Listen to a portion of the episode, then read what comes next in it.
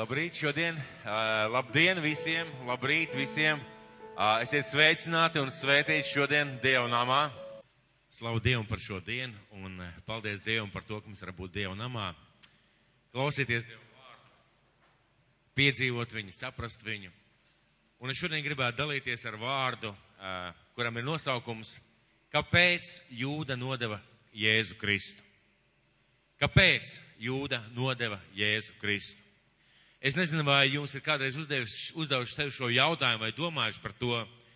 Man jāsaka tā, es par šo jautājumu esmu domājis gadiem, gadiem esmu domājis par šīm lietām un domājis par to, kāpēc tā notika. Un varbūt kādam liksies jocīgi, kāpēc par to jārunā. Vienkārši tas notika, vienkārši tā bija, un kāpēc par to ir jārunā.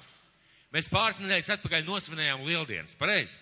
Un mēs priecājāmies, mēs teicām, Jēzus Kristus ir augšām cēlies, Un eh, ļoti svarīgi ir ieraudzīt pēc tam, kas tad ir pēc lieldienām.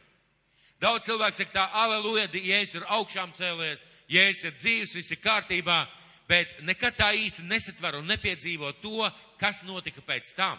Kāpēc viņš cēlās augšā? Ko tas mainīja pasaulē un ko tas maina mūsu dzīvē? Un ir kādi notikumi, kas notiek pēc lieldienām, pēc Kristus augšām celšanās svētkiem. Un pagājušajā svētdienā mēs runājam par to, kā mācekļi piedzīvoja Kristu augšām celšos. Cik viņš bija reāls, cik viņš bija sataustāms, izjūtams un ka viņš ir kopā ar mums arī tādā pašā veidā. Un šodien es gribētu runāt par to, par jautājumu, kāpēc Jūdas nodeva Jēzu Kristu. Jo šis jautājums zināmā mērā paceļās pēc lieldienām arī mācekļu, jau, mācekļu vidū. Viņi varbūt neuzdod tieši tādu jautājumu, bet viņi runā par to. Un apstākļu darba grāmatā pirmajā nodaļā Es neaicināšu patreiz atvērt, es vienkārši izlasīšu. Tanīs dienās Pēters piecēlās brāļu vidū, tur bija kopā ap 120 cilvēku un sacīja, brāļi, bija jāpiepildās rakstiem, ko svētais gars runājis ar Dāvidu mutu par jūdu, kurš bija vedis Jēzus gūstītājs. Jo tas bija pieskaitīts mums un dabūjis to pašu kalpošanas amatu. Tas ieguvis tīrumu par netaisnības augu un uz vaiga nokrits ir vidū pārsprādzis un viss iekš izgājušās ārā. Tas kļuvis zināms visiem Jeruzalemes iedzīvotājiem, tādēļ arī šis tīrums viņu valodā nosaukts Hakeldama, tas ir asins tīrums. Jo salmu grāmatā ir rakstīts, viņa māja, lai paliek par postažu, lai neviens tur nedzīvo un lai cits dabo viņa uzrauga pilnvars. Tāpēc vienam no tiem vīriem, kas ar mums kopā gājuši visu šo laiku, kad kungs Jēzus pie mums nācis un gājis, sākot ar Jāņa kristību līdz tai dienai, kad viņš no mums tiks uzņemts debesīs, viena no tiem līdz ar mums jākļūst par viņu augšām celšanās liecinieku. Un tālāk viņi met mēslus. Es izlasu šo vietu, lai es parādītu, ka arī mācekļiem pēc lieldienām, pēc Kristus augšām celšanās svētkiem, viņiem tomēr pastāv šis jautājums.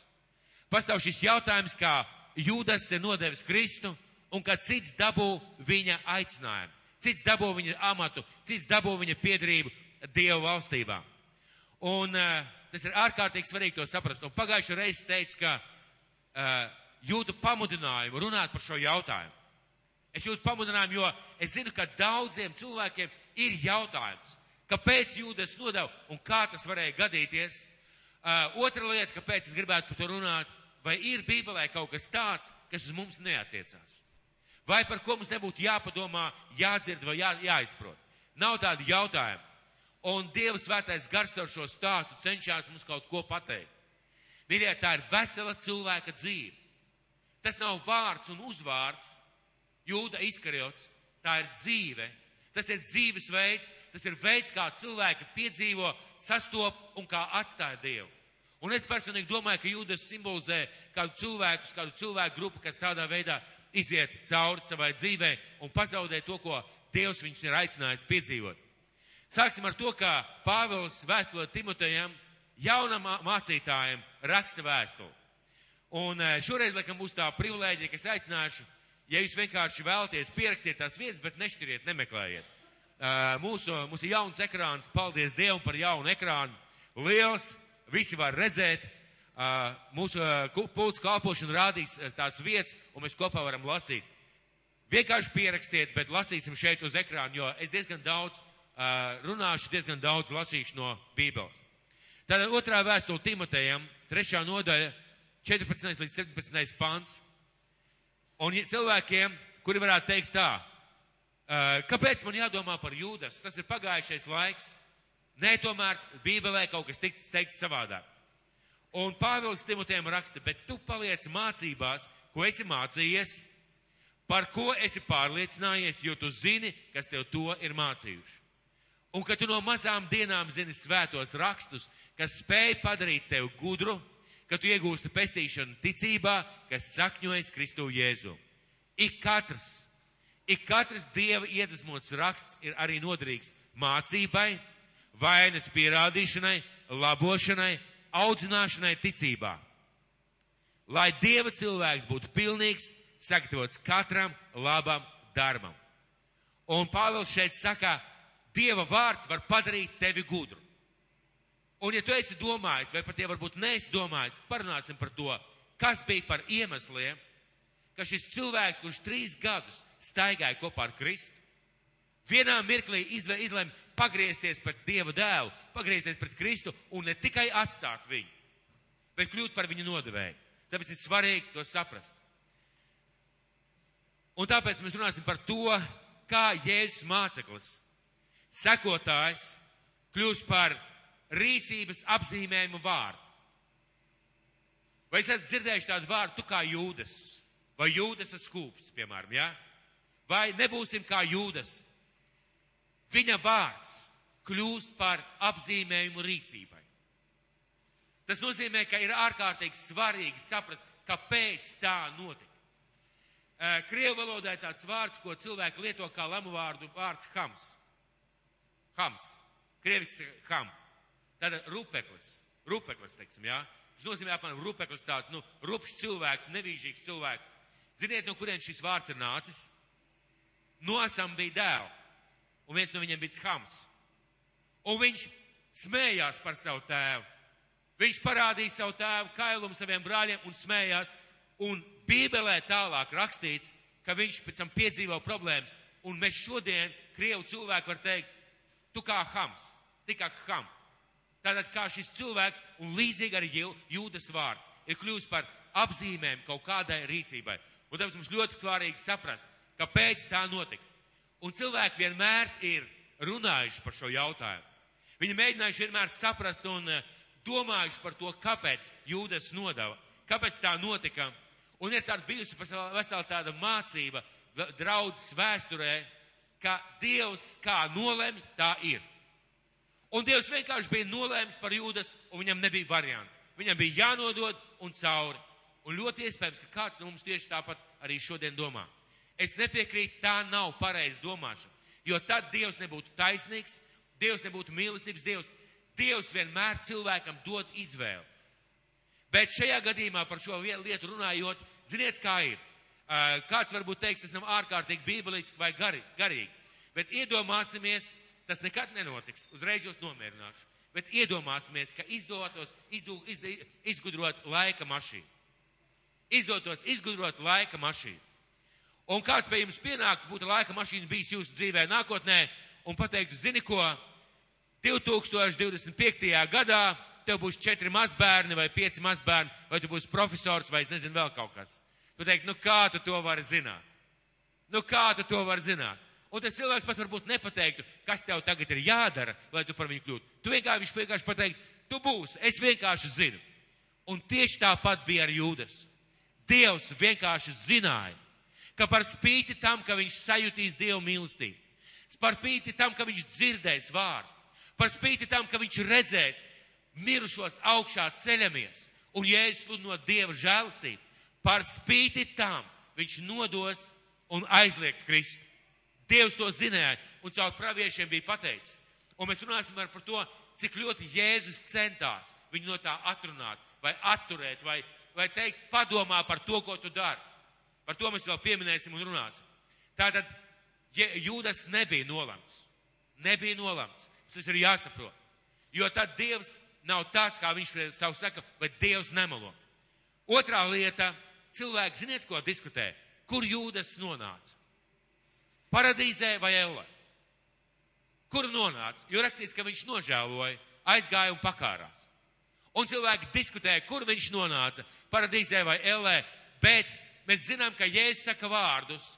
Ak, vai tam cilvēkam, kas nodod cilvēka dēlu, tam būtu labāk, ja viņš nebūtu piedzimis. Man tas liek domāt par to, ka viņš nenonāca paradīzē pie Dieva.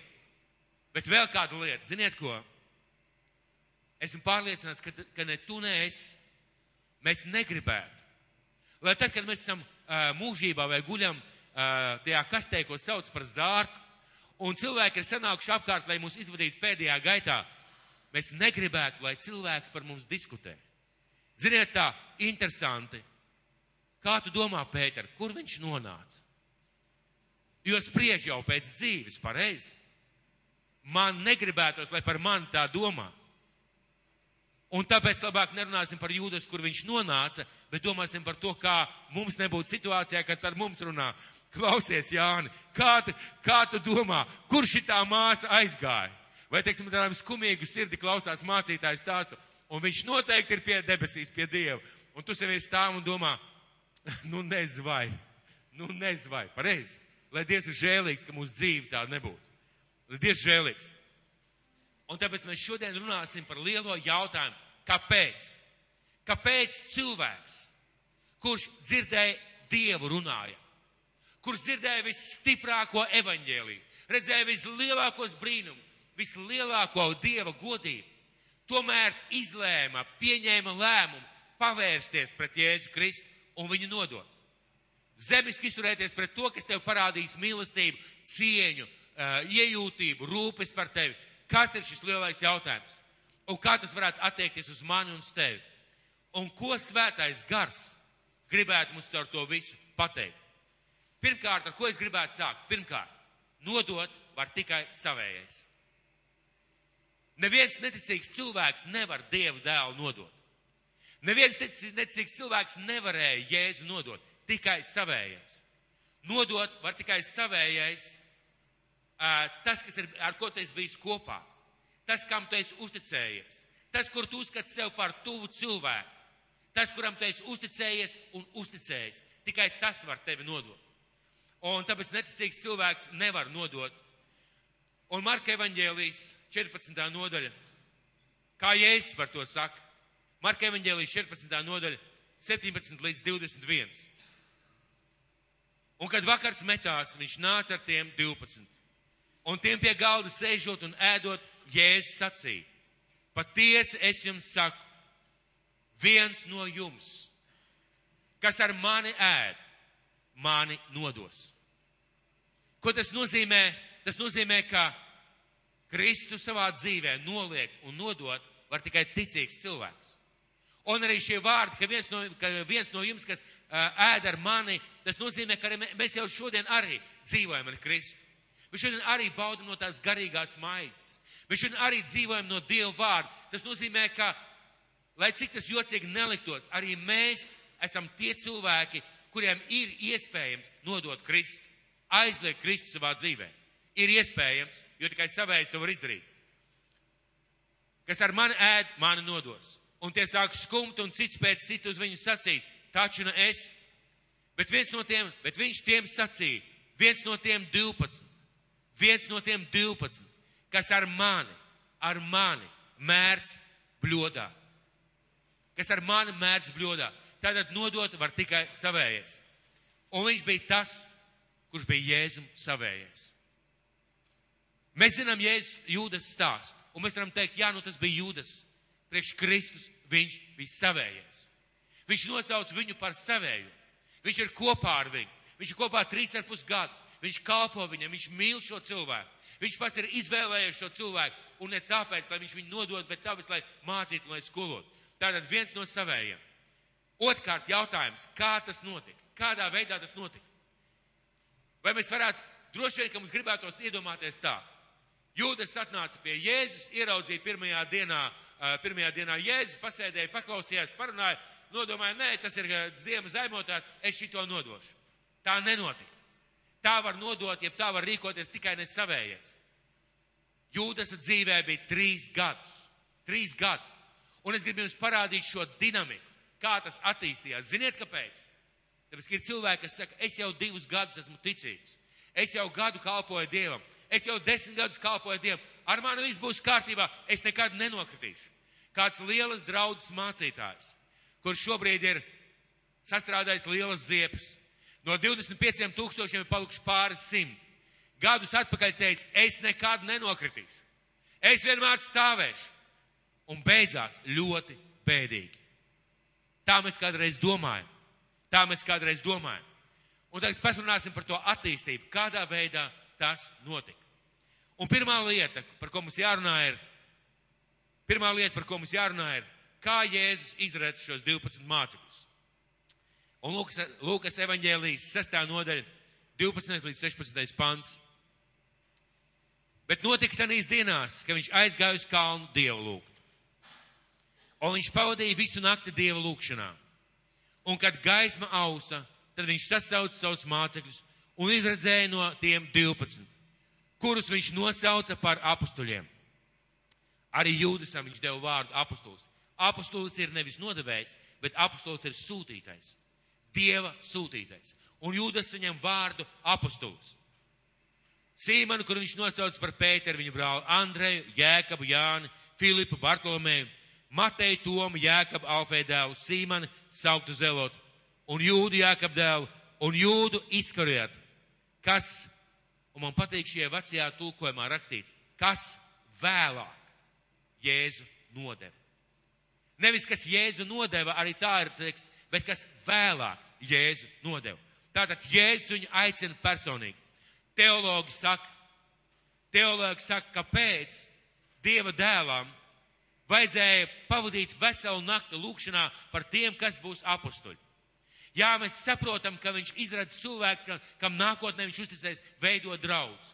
Jā, es saprotu, ka viņš izradz cilvēkus, kurus viņš, par kuriem viņš pateiks, ka uz apustuļu mācību, mācības un praviešu mācības pamat ir dibināta draudz.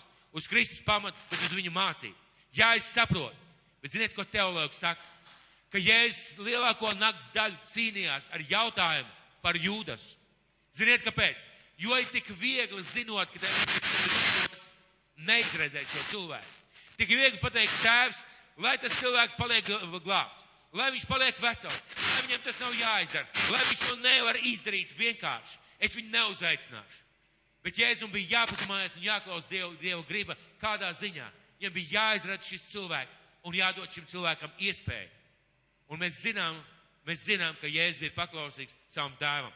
Tad Jēzus viņu izredz un dod viņam vārdu apostols. Mateja evaņģēlijas. Mateja evaņģēlijas, 26. nodaļa, 14. 15. pants. Tad viens no 12. saukts Jūda izkurēts, nogāja pie augstajiem priesteriem un sacīja, ko jūs man dosiet, es jums viņu nodošu. Un viņi iedeva tam 30 sudraba gabalus. Un no tā laika tas meklēja izdevīgu brīdi, lai viņu nodot.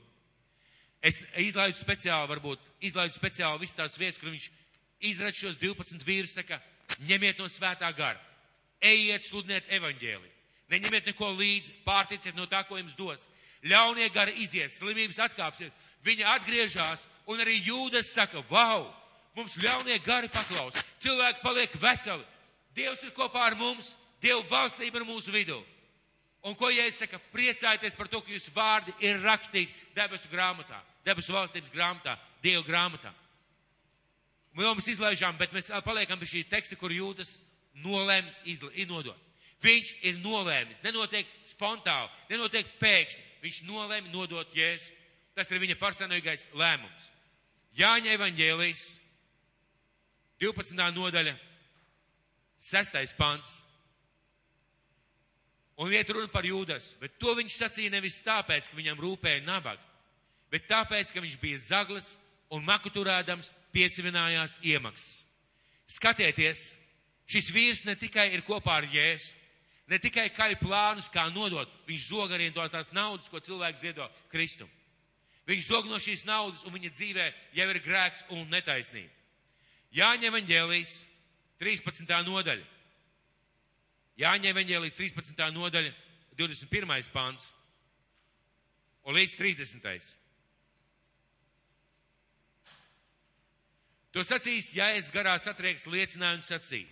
Patiesi, patiesi, es jums saku, viens no jums man nodos. Mācekļi paskatījās uz viņu, cits uz citu un neziņā, par kur viņš runā. Viens no viņa mācekļiem sēdēja pie Jēzus krūts. To Jēzus mīlēja. Tam Simons Pēters pamājiņš saka viņam, vaicā, kurš ir tas, par ko viņš runā. Tas noliecies pie pašas Jēzus krūts, viņam saka, kungs, kurš tas ir? Jēzus atbild, tas ir tas, kam es kumos iemērts to došu. Un kumos iemērts viņš to ņem un dod jūdam, sīmaņa dēlam izkorjātam. Un pēc šī kumosa tanī iegāja sātans. Bet Jēzus viņam saka, ko tu dari, to dari drīz. Bet no tiem, kas pie galda sēdēja, neviens nekā nesaprata. Kādā nolūkā viņš tam to sacīja, jo dažiem šķita, ka Jēzus tāpēc, ka jūdam bija maks, tam būtu sacījis iepēc uz svētkiem, kā mums vajag, vai dod ko nabagiem. Saņēmis kumosu, jūdas steigšus izgāja ārā, un bija nakts. Ļoti simboliski šie vārdi. Jūdas saņem šo kumosu, viņš ir nolēmis nodot, viņam ir šī apņemšanās, un viņš iziet ārā. Viņš iziet ārā no Dieva klātbūtnes, tā varētu teikt, un ārā ir nakts, ārā ir tums. Tad viņš šajā, šādā veidā viņš ir no, izlēmis nodot. Mateja evaņģēlijas 14. nodaļa, 41. 46. pants. 41. 46. pants. Un viņš nāk trešo reizi un tiem sacīja, jūs vēl guļat un dusat. Jau diezgan. Tā stunda ir nākus. Redzi, cilvēku dēls top nodots grēcinieku rokās. Celieties, ēma, redzi, kas mani nodod, tas ir klāt. Un tad dāļ viņiem vēl runājot, atnāca jūda, viens no tiem 12, un līdz ar viņu daudz ļaužu ar zobeniem, nūjām, no augstiem priestriem, rakstu mācītēm un veciem. Bet tas, kas viņu nodeva, tiem bija devis zīmes sacīdams, ko es skūpstīšu, tas ir viņš. To gūstiet un to novediet drošībā. Un tas nāca, tūdaļ viņam piegājis, saka, rabi, jeb mācītāji. Un viņi skūpstīja. Un tie pielika rokas pie viņa un to saņēma. Šis ir tas mirklis. Ilgā kaltām domām, ilgi kaltam rūgtumam pienāk atrisinājums. Viņš atnāk pie Kristus un atkal zīmīgi. Viņš nevis vienkārši pa gabalu parāda. Nevis vienkārši tā pa gabalu kaut kā pasaka, tas ir viņš, es pateikšu, kāds viņš izskatās. Viņš pienāk un saka, mācītāji. Viņš saka, mācītāji un pats skūpsta Kristu. Tā ir mīlestības, piederības un uh, derības zīme. Viņš lieto šo zīmi, lai nodotu Kristu. Arī ļoti simboliska rīcība. Kas notiek tālāk šī cilvēka dzīvē? Un Mateja evaņģēlijas 27. nodaļa, 3. 5. pants. Mateja evaņģēlijas 27. nodaļa, 3. līdz 5. pants. Bet rīt agrumā viņa augstie priesteri un ļaužu vecai pieņēma lēmumu par Jēzu viņu nonāvēt. Un to saistīja viņa aizveda un nodeva to zemes pārvaldniekam Pilātam. Tad jūda viņa nodevējs, redzēdams, ka viņš pazudināts, nožēloja to, atnes atpakaļ 30 sudraba gabalus augstajiem priesteriem un vecajiem un sacīja, es esmu grēkojis nododams nenoziedzīgs asinis. Bet tie sacīja, kas mums par daļu, raugi tu pats Un viņš nomet sudraba gabalus templī, aizgāja un pakārās. Šeit pa vidu ir trīs gadi.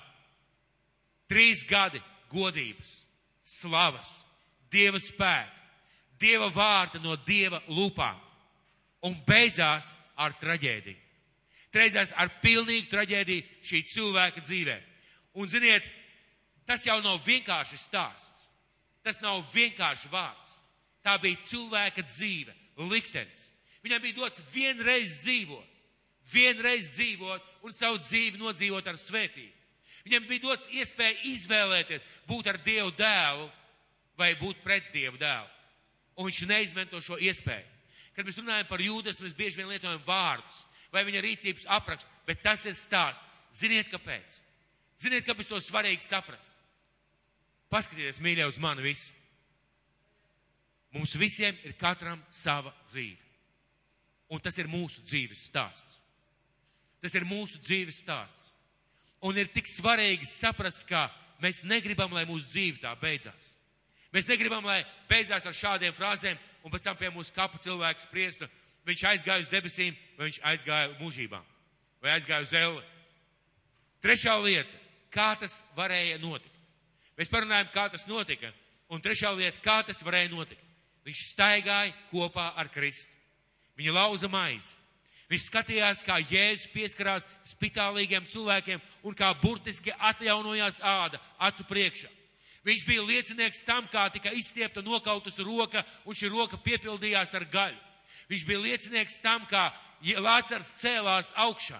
Viņš redzēja tik daudz lietas, tik daudz brīnumus un notikumus, un es pārliecināts, viņš piedzīvoja savām rokām, kā Dievs ar viņu rokām arī noteikti dzirdēja. Viņš dzirdēja Dievu vārdu. Viņš dzirdēja Dievu principus. Viņš dzirdēja, ka Dievs mīl. Viņš dzirdēja varbūt visu to, ko mēs dzirdam, un daudz, daudz vairāk. Jēzus saviem mācekļiem paskaidroja atsevišķu vārdu. Varbūt viss pat nav uzrakstīts. Un viņš visu to redzēja un piedzīvoja. Kā tas varēja notikt? Kā tas varēja notikt? Kā varēja notikt tā, ka šis cilvēks izdara šādu lietu? Un tas, ko esmu sapratis un uh, izpratis un domājis par to, man ir tāda iekšēja pārliecība. Viņš nenoticēja, ka Jēzus ir Dieva dēls. Viņš līdz galam nenoticēja, ka Jēzus ir Dieva dēls. Mesija. Viņš līdz galam nenoticēja. Droši vien, ka bija tā, jā, viņš ir Mesija, viņš ir Dieva dēls, viņš ir mūsu glābējs, bet līdz galam kaut kas nebija. Līdz galam kaut kas nebija. Un kas ir svarīgi? Kas ir svarīgi? Staigājot šīs trīs gadus kopā ar Jēzu, viņš tā pa īstam Kristu laikam arī neiepazina. Viņš tā pa īstam Kristu laikam nesaprata. Viņš tā pa īstam nesaprata, nesatvēra, kāda ir Kristus daba, kāds ir viņa raksturs, ko Jēzus māca. Un Bībele saka, ka tie, kas nepazīst Dievu, sauc tu sevi par tādas vai tādas vai tādas konfesijas piederīgo, ja tu nepazīsti Dievu, ja tu nezini viņa sirdi, ja tu nepazīsti viņa motīvus, tu nespēsi sekot. Pienāks viens mirklis, un tu atteiksies no Dieva un aizies projām. Un viņš viņu nepazina un nenoticēja līdz galam. Un tāpēc, un tāpēc, ka viņš nenoticēja, ka viņš ir Dieva dēls, viņa sirds nesavienojās ar Kristus sirdi. Viņa sirds nesavienojās ar Kristus sirdi. Es esmu redzējis ģimenes, esmu redzējis cilvēkus, kas brauc labās mašīnās, dzīvo labās mājās. Viņiem ir ģimene, viņiem ir bērni, bet, kad tu runā ar viņiem, tu redzi, viņu sirds nav savienota. Viņu sirds nav viena sirds. Viņai it kā ir viena miesa, bet viņu sirds ir dalīta. Viņiem ir savas domas par lietām. Viņi skatās viens uz otru kā ne kā uz daļu no sevis, bet kā uz to otru cilvēku. Rezultāts tāds, ka šīs sirds nesavienojās un vienā mirklī vienā mirklī. Es domāju, ka viņš vienā mirklī nodomāja. Jēzus ir tikai cilvēks. Jo, ja viņš tiešām būtu sapratis, ka Jēzus ir Dieva dēls, ka viņš ir Mesija, nav iespējams Dievu nodot. Nav iespējams būt tādam pašnāvniekam, kurš nolēma, es nodošu Dievu. Es vienkārši nodošu Dievu nāvē. Nav iespējams būt tādam vaiprātīgiem, kurš ar apziņu, tas ir Dievs, un es viņu tagad nodošu. Es domāju, ka vienā mirklī viņam atnāca šī iekšējā pārliecība vai doma, Jēzus ir tikai cilvēks. Un tāpēc, ka viņš ir tikai cilvēks, tāpēc, ka viņš ir tikai cilvēks, ja man vajag, var paņemt no tās kases. Es varu izturēties liekulīgi, es varu izturēties zaglīgi, es varu izturēties nekā pret Dievu dēlu, un viņš ņem šo naudu. Ziniet, un no tā mirkļa, kad viņš sāka ņemt šo naudu, es personīgi domāju, ka viņā auga šī pārliecība, ka Jēzus nav dievdēls. Ziniet, kāpēc? Jo viņa otrā dienā vai tajā pašā mirklī Jēzus nepaņēma pie rokas un teica, Jūdas, kāpēc jūs savu naudu roku ielika mūsu kasē? Un viņam šī pārliecība pamazām sāk augt. Viņi sāka nostiprināties, un Dieva vārds saka daudzās vietās, viņš saka, jūs darat nepareizi, jūs rīkojaties nepareizi, un jūs domājat, ka esmu tāds pats kā jūs, jo es klusēju bet es gaidu to mirkli, kad jūs atgriezīsieties un kad jūs izmainīsieties. Un kad jūdas ņēma naudu, kad viņš lietoja šo naudu priekš sevis vienreiz, divreiz, trīsreiz, un jau ir vieglāk. Neviens neko nezina. Jēzus neko nesaka, tātad viņš tomēr nav Dieva dēls. Tātad viņš tomēr nezina. Tātad tomēr manā sirdī var būt kaut kādas domas citādākas par viņiem, viņi nekas nezina. Un bieži vien mūsu dzīvē tā notiek. Un ziniet, pamazām viņā sāk augt šis rūkums. Šis rūkums, un ziniet, kur viņš sāk augt. Un bieži vien tas ir pret vadītājiem. Bieži vien tas ir pret valsts vadītājiem, garīgiem vadītājiem. Tas ir mūsu starpā, brāļu māsu starpā. Sāk augt šis rūkums, tas ir tikai cilvēks. Viņš ir tikai cilvēks. Viņš nav nekas vairāk. Jā, Jēzus teica, mans brālis, bet viņš ir tikai cilvēks. Jā, Jēzus viņu ielikt par mācītāju, bet viņš ir tikai mācītājs. Viņš ir tikai cilvēks. Tas ir tikai mans bīskaps. Mans rūkums var augt, jo viņš ir tikai, tikai un tikai. Un pamazām viņa domās sāka rasties šādas lietas. Vai tavā dzīvē nekad nav bijis tā? Es ticu, ka Jēzus ir kungs. Es ticu, ka viņš kungs, ka viņš valda manā dzīvē. Ka viņš ir ķēniņš, ka viņš visu var, ka viņš zina, ka viņš visu redz. Jā, bet saproti, nu, nu nav jau tā. Jā, bet saproti, nu, bet, nu, bet Dievs, tu taču redzi manu dzīvi. Nu, bet Dievs taču, es zinu, ko tu saki par šo lietu, bet tu saproti, Dievs, šī tāds izņēmuma gadījums. Izņēmuma gadījums. Un ziniet, ko tas mūsos veido? Tas veido mūsu šo domu, pat nepateikt vārdos, nenotifinēt. Jēzus nav Dieva dēls. Viņš nav svēts. Viņš nav tāds, kā viņš saka par sevi. Un es pamazām, pamazām varu atļauties ar vien vairāk, vairāk un vairāk. Un jo vairāk un vairāk es atļaujos, jo vairāk un vairāk man gribās, vai taisn otrādi negribās. Un pamazām viņai sāk raisīties šīs domas. Pēc tam viņai sāk raisīties kaut kādas emocijas. Kaut kādas emocijas, jo vispirms ir domas. Tu domā par kaut ko, un šī doma pamazām veido tev emociju. Un es domāju, ka pēdējā laikā, kad, Jēzus, kad Jūdas staigā ar Jēzu, viņam bija tādas negatīvas domas pret Kristu. Es varu iedomāties, kā viņš stāv malā palmu svētdienā. Palmu svētdienā, kad viss sauc Oziāna slavēts, kas, kungs, kas, kas iet tā, tā nāk tā kunga vārdā. Es varu iedomāties Jūdas stāvot malā.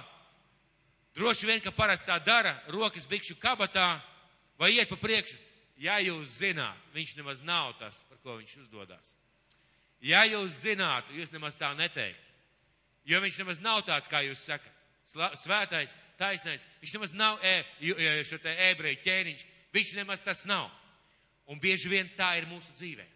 Kad mēs sākam ļaut šādām domām kultivēties par kādiem cilvēkiem, par bīskapiem, par mācītājiem, par kalpotājiem, par viens par otru. Līdz ko mēs sākam ļaut šīm domām nākt mūsos iekšā, nāk šī te emocija līdzi. Viņš nemaz nav tāds. Viņš nemaz nav cienīgs man vārdu. Viņš nav cienīgs tas, kā viņu sauc. Un tālāk jau seko rīcība. Un rīcību mēs redzam. Man ir jautājums, un es gribētu jums parādīt, kāpēc es tā spriežu un kāpēc es domāju, kurā mirklī viņš nodod. Kas ir tas mirklis, kas ir lūzumā punkts, kad jūdas nolēma nodot Jēzu? Mateja evaņģēlijas 26. nodaļa.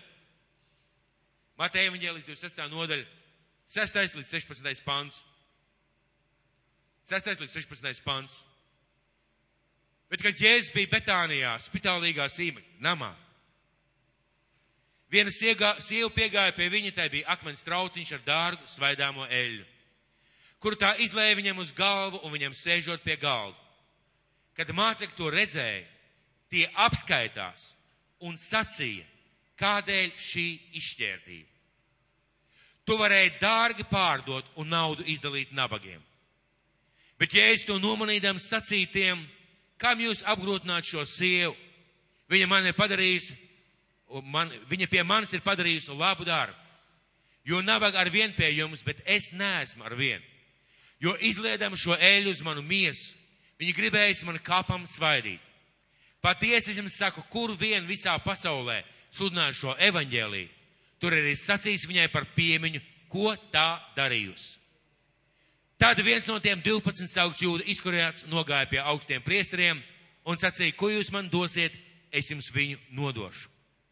Šajā mirklī un šajā stāstā ir viena ļoti nopietna mācība. Iedomājies, tu sēdi kopā ar Kristu, un tev jau ir negatīvas sajūtas par viņu. Tu sēdi kopā ar savu mācītāju, ar savu bīskapu, ar brālu māsu, un tev jau ir negatīvas sajūtas par viņu. Viņš ir tikai cilvēks, viņš kļūdās, un šeit Jēzus atļaujas. Jēzus atļaujās, ka viņam uz galvas tiek izlieta dārga eļļa. Un Jūdas noteikti bija viens no tiem, kāpēc tāda izšķērdība. Viņš nav Dieva dēls. Viņš nav tā vērts, viņš nav tā cienīgs. Kāpēc tāda izšķērdība? To viņš varēja dot nabagiem, un viņai kaut kas iekšā saceļās. Un viņai kaut kas iekšā saceļās. Ziniet, es zinu, ka mūsu draudzē tā arī ir bijis, bet mūsu draudzes neminēšu. Es zinu draudzes, kur esmu bijis. Un uh, tur runā sludināt šajā draudzē. Un uh, tev tas mācītājs tiešām patīk. Tā nav liekulība. Tev patīk, kā viņš kalpo. Tu saproti, ka neviens nav ideāls, bet tev patīk, kā viņš kalpo. Un tad tu saki visai draudzē, jums ir brīnišķīgs mācītājs ar tēva sirdi. Un tu redzi zālē cilvēkus. Jā, jā. Stāsti mums. Mēs viņu pazīstam. Un ziniet, kas tas ir? Jūdas sindroms. Man grūti izrunāt, tas ir jūdas sindroms. Jo tas cilvēks, viņš varētu darīt tik daudz labas lietas savai dzīvei. Par mācītājiem piedodiet, bet muļķi nekalpo. Sliņķi arī ne. Un šie cilvēki varētu taisīt brīnišķīgu, ideālu karjeru priekš sevis, bet viņi ir nolikuši savus dzīves, lai kāpotu cilvēkiem, kā spēj, kā var, kā izdodas. Un cilvēks sēž zālē un saka, jā, jā, jā. Šitas gods viņam nemaz nepier. Ja tu zinātu, vot, ja tu zinātu, tu pienāktu pie manis un pat, ja tu būtu pravietis, tu pienāktu pie manis un es tev visu pastāstītu. Un tu zinātu, kas ir ar mūsu mācītāju. Nav ko te mālēt acis. Un tu redzi šo stāstu draudzēs. Un tieši tas pats notika. Tieši tas pats notika šeit. Kamēr jūdas Jēzus kaut ko darīja, kaut ko sludināja, kaut kādā veidā cieta, nesa upurus, kalpoja cilvēkiem, jūdas vēl varēja paciest. Bet šeit Jēzus atļaujās, ka viņam uz galvas izlēja veselu, veselu gada peļņu. Viņš to nav pelnījis. Viņš ir liekvārds, viņš ir, viņš ir viltvārds, viņš nav Dieva dēls. Un šajā mirklī jūdasā viss tas, kas nāca pirms tam, viss tās aizdomas, viss tas rūkums saceļās augšā. Un viņš aiziet un saka, ko jūs man dosiet, es jums viņu nodošu. Viņš ir aizgājis par tā, viņš atļaujās par daudz, un sākās viss ar to. Viņš laikam tomēr nav Dieva dēls. Es tā domāju, ka īsti nav. Jo tad viņš darītu savādāk, jo es domāju, tā kā vajadzētu darīt bet viņš tā īsti nedara. Tad man ir savas idejas par kādām lietām, viņš arī tā īsti nedara. Tad es domāju, ka vēl kaut ko, kaut ko viņš dara nepareizi, un es domāju, ka tas ir nepareizi, un rezultātā, nu, nav viņš tāds, kā viņam vajadzētu būt. Nu, nav viņš tāds, kā viņam vajadzētu būt. Un ar to slimo kristīgās draudzes. Kāpēc mēs par to šodien runājam? Jo mums var būt tāda attieksme tāda lieta, un es pateikšu kādos jautājumos. Drusku vēlāk pateikšu kādus jautājumus, lai mēs ieraudzītu, ka šīs te domas, tu vari redzēt vislabākās lietas, piedzīvot vislielākās svētības, piedzīvot vislielākās uzvaras kopā ar šo cilvēku, vai ar, vai ar to kalpotāju, vai tajā draudzē.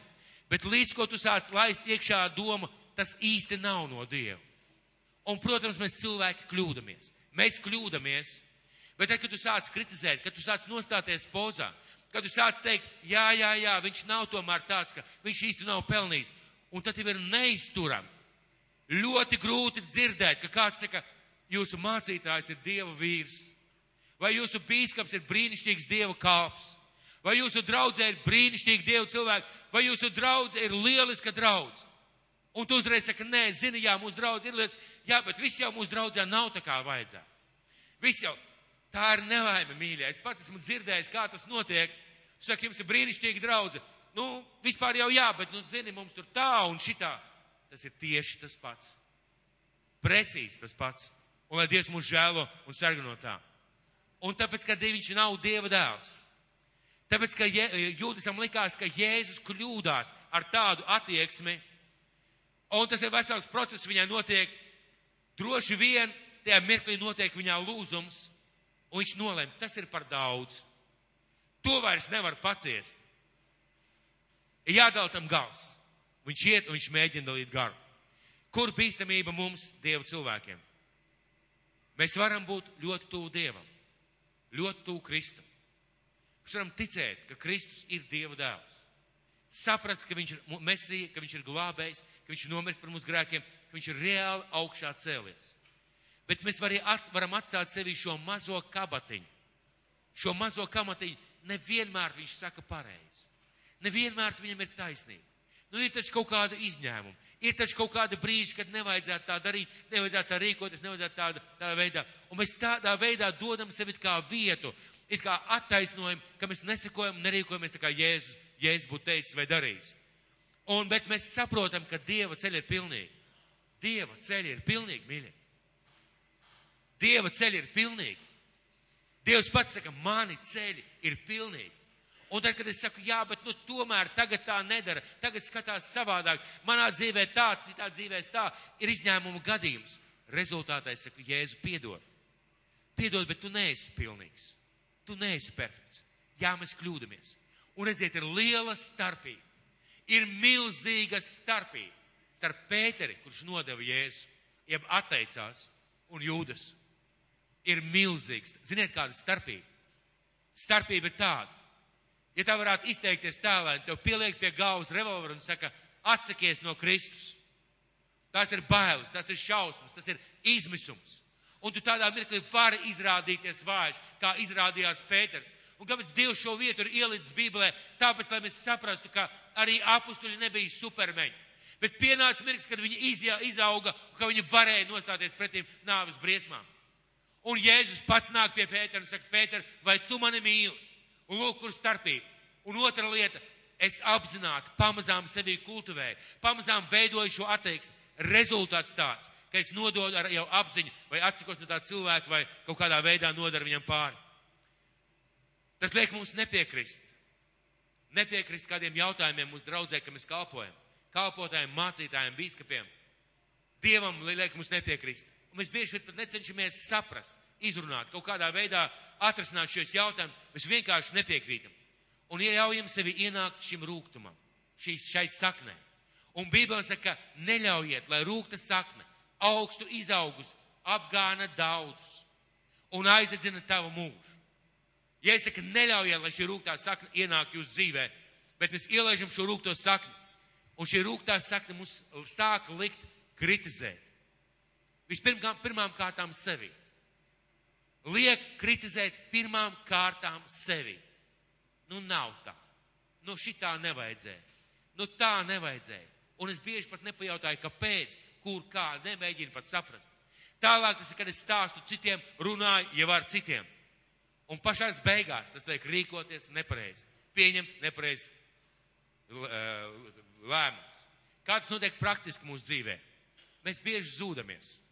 Mēs bieži zūdamies, un zudīšanās ir viens no šiem soļiem, kas parāda, mēs īsti neusticamies Dievam. Tas liek aprunāt cilvēkus, liek aprunāt draudz, savu mācītāju. Rezultātā liek atstāt draudz. Rezultātā liek atstāt savu kalpošanu, savu aicinājumu Dievam. Jā, Dievs, es saprotu, ka tu mani aicināji, piemēram, nezinu, slavēšanas kalpošanā. Bet tā draudz nav tāda, Dievs.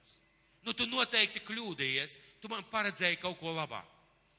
Bet tas mācītājs, nu, nav viņš tāds, kā gribētos. Nu, nu, es zinu, Dievs, tu man aizvedīsi uz svaidīto vietu. Es dodos uz svaidīto vietu, jo tu, Dievs, kļūdījies, piedod, bet tu kļūdījies, vai kaut kā savādāk. Un tas liek mums nodot. Tas liek mums nodot Kristu, viņa aicinājumu, viņa plānus, viņa darbus mūsu dzīvē, viņa izaicinājumus. Tas liek mums nodot cilvēkus un tās lietas, ko Dievs mums ir uzticējis. Mēs tik bieži nedaram Dieva darbus. Ziniet, kāpēc? Mēs neusticamies Dievam, ka Viņš ir Dievs. Mēs neusticamies Dievam. Es kādā reizē runāšu par to, cik ļoti Kristus mīlēja pārdabiskās lietas cik ļoti viņš mīlēja pārdabiskās lietas. Mēs parunāsim kādreiz, kā Dievs priecājās par pārdabiskām lietām un grib redzēt mūsu dzīvē pārdabiskas lietas. Viņš priecājās par to mēs nenoticam.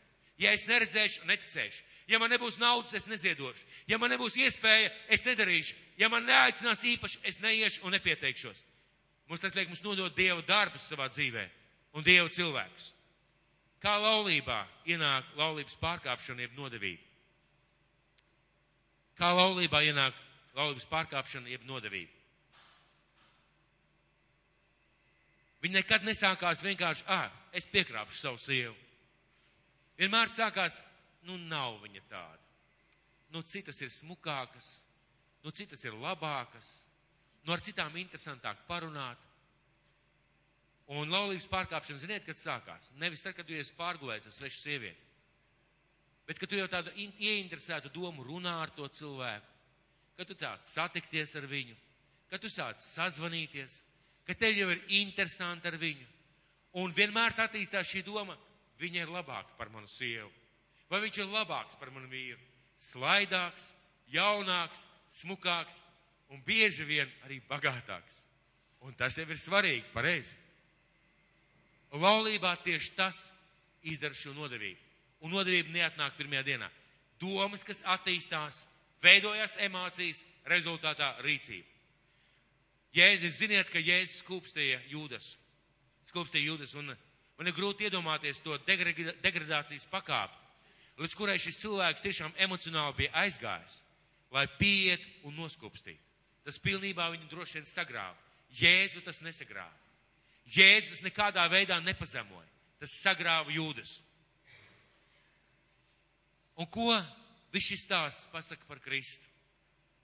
Mēs runājam daudz par jūdas. Bet mums ir jāsaprot, ko šis stāsts mums pastāsta par Kristu. Jo mums ir jāiepazīst Dievs. Stāsts par jūdas ir vienkārši stāsts par Dievu caur jūdas dzīvi. Stāsts par Dievu caur jūdas dzīvi. Ko šis stāsts pasaka par Kristu? Pirmām kārtām, viņš viņu izredzēja un nosauc par apustulu. Viņš viņu sauc par savējo. Viņš lauz kopā ar viņu maizi. Viņš noteikti lūdza par viņu. Viņš uzticēja viņam savu spēku, savu svaidījumu. Viņš mīlēja šo cilvēku. Viņš mīlēja šo cilvēku. Tik bieži, un pašās beigās viņš, mēs atceramies šajā, šajā, viņš nepārmet viņam zādzību. Viņš gaida, varbūt šis cilvēks atgriezīsies, varbūt kaut ko svētais gars izdarīs šī cilvēka dzīvē.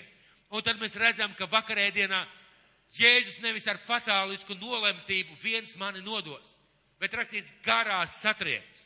Cik reizes mēs lasām, ka Jēzus garās satrieks par kādām lietām? Ārkārtīgi maz. Tas nozīmē, ka viņš ir, ka viņš ir ļoti noskums, ļoti nobēdājies.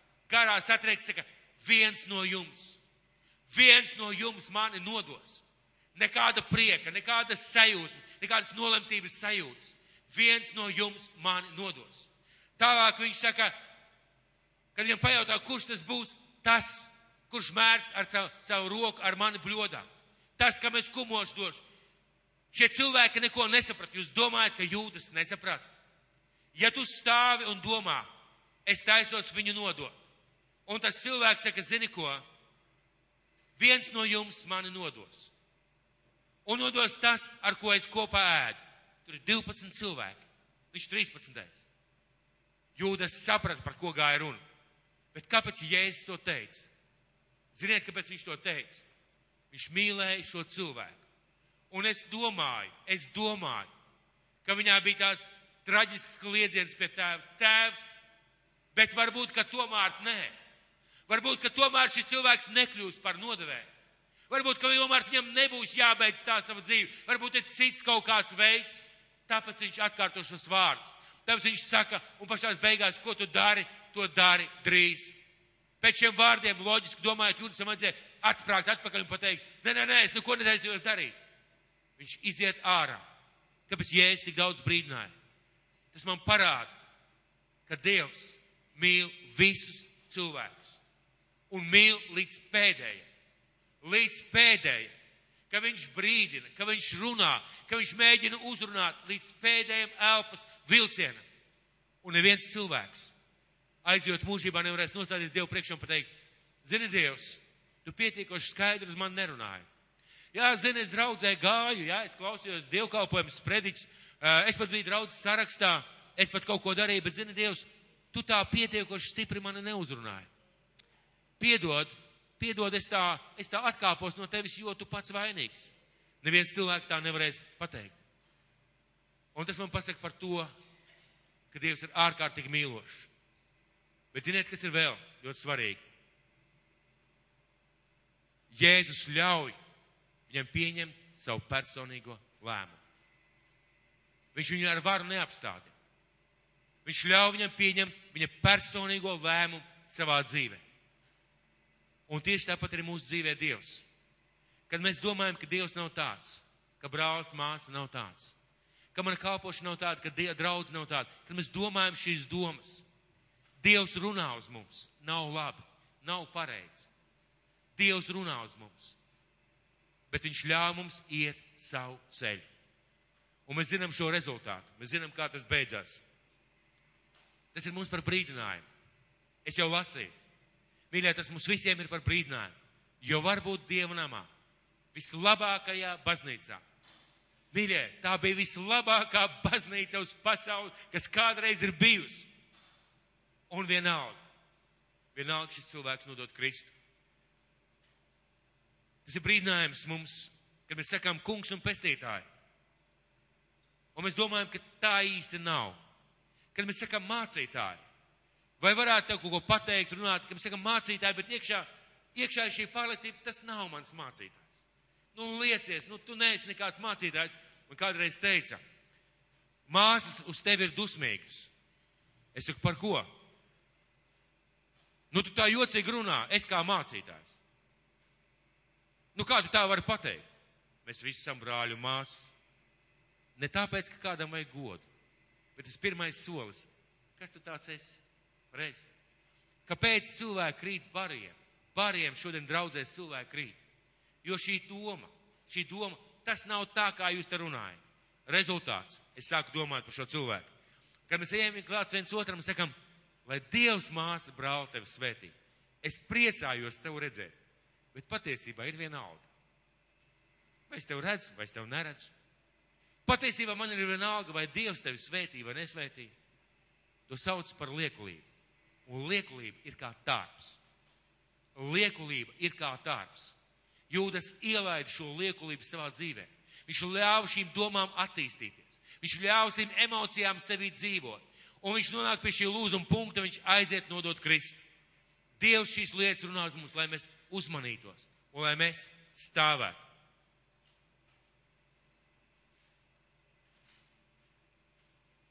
Kā mēs varam nodot Kristu? Kā mēs varam nodot Kristu? Kāds teiks, kā tas ir iespējams, ja es jau ir nodots 2000 gadus atpakaļ? Un es gribētu lasīt no vēstules ebrejiem. Vēstule ebrejiem, 6. nodaļa, 4. līdz 8. pants.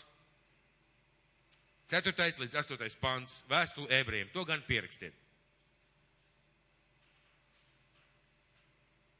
Jo ir neiespējami tos, kas reiz apgaismot un baudījuši Dieva dāvanas un kļuvuši svētā gara dalībnieki un baudījuši labo Dieva vārdu un nākamās pasaules spēkus un krituši atkal vest pie atgriešanās. Jo tie sev Dieva dēlus ir krustā un liek smieklā.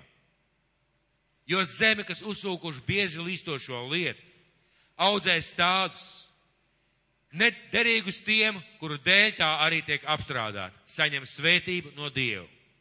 Bet kas ērkšķus un daļus audzē, ir nederīga un lāstam tuvu. Tās gals ir ugunī. Bet par jums, mīļie, mums ir pārliecība par kaut ko labāku. Par jūsu pestīšanu kaut arī tā runājam. Jo Dievs nav netaisnīgs, kas aizmirst jūsu darbus un mīlestību, ko esat parādījuši viņa vārdā ar to, kas esat kalpojuši svētiem un vēl kalpojat.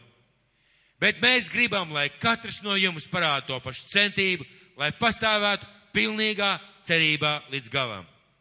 Ka jūs netopat kūtri, bet sekojot tiem, kas ar ticību un pacietību iemanto apsolījumus. Un Dievs šodien saka, brīdina, viņš brīdina mūs ar šo vārdu. Un tālāk viņš saka, bet par jums, mīļie, mums ir pārliecība par ko, kaut ko daudz labāk. Un kāpēc Dievs brīdina par šīm lietām? Jo viņš saka, nedari tā.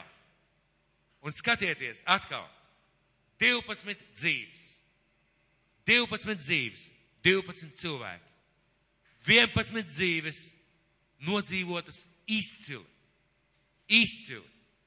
Jā, aizbēga, kad Jēzus sit pie krusta, jā, noliedza Jēzu, jā, neizdevās, jā, bija neperfekti, jā, strīdējās, jā, bija nevienlīdzība, neskaidrības, Jā, bija domstarpības, bet viņi gāja un turpināja iet ar Kristu.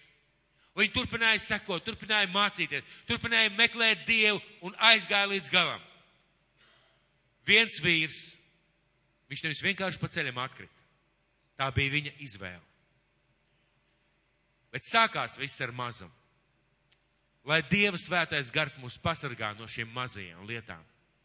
Lai Dieva svētais gars katram mums sirdī parāda, kur mums ceļās šāda doma.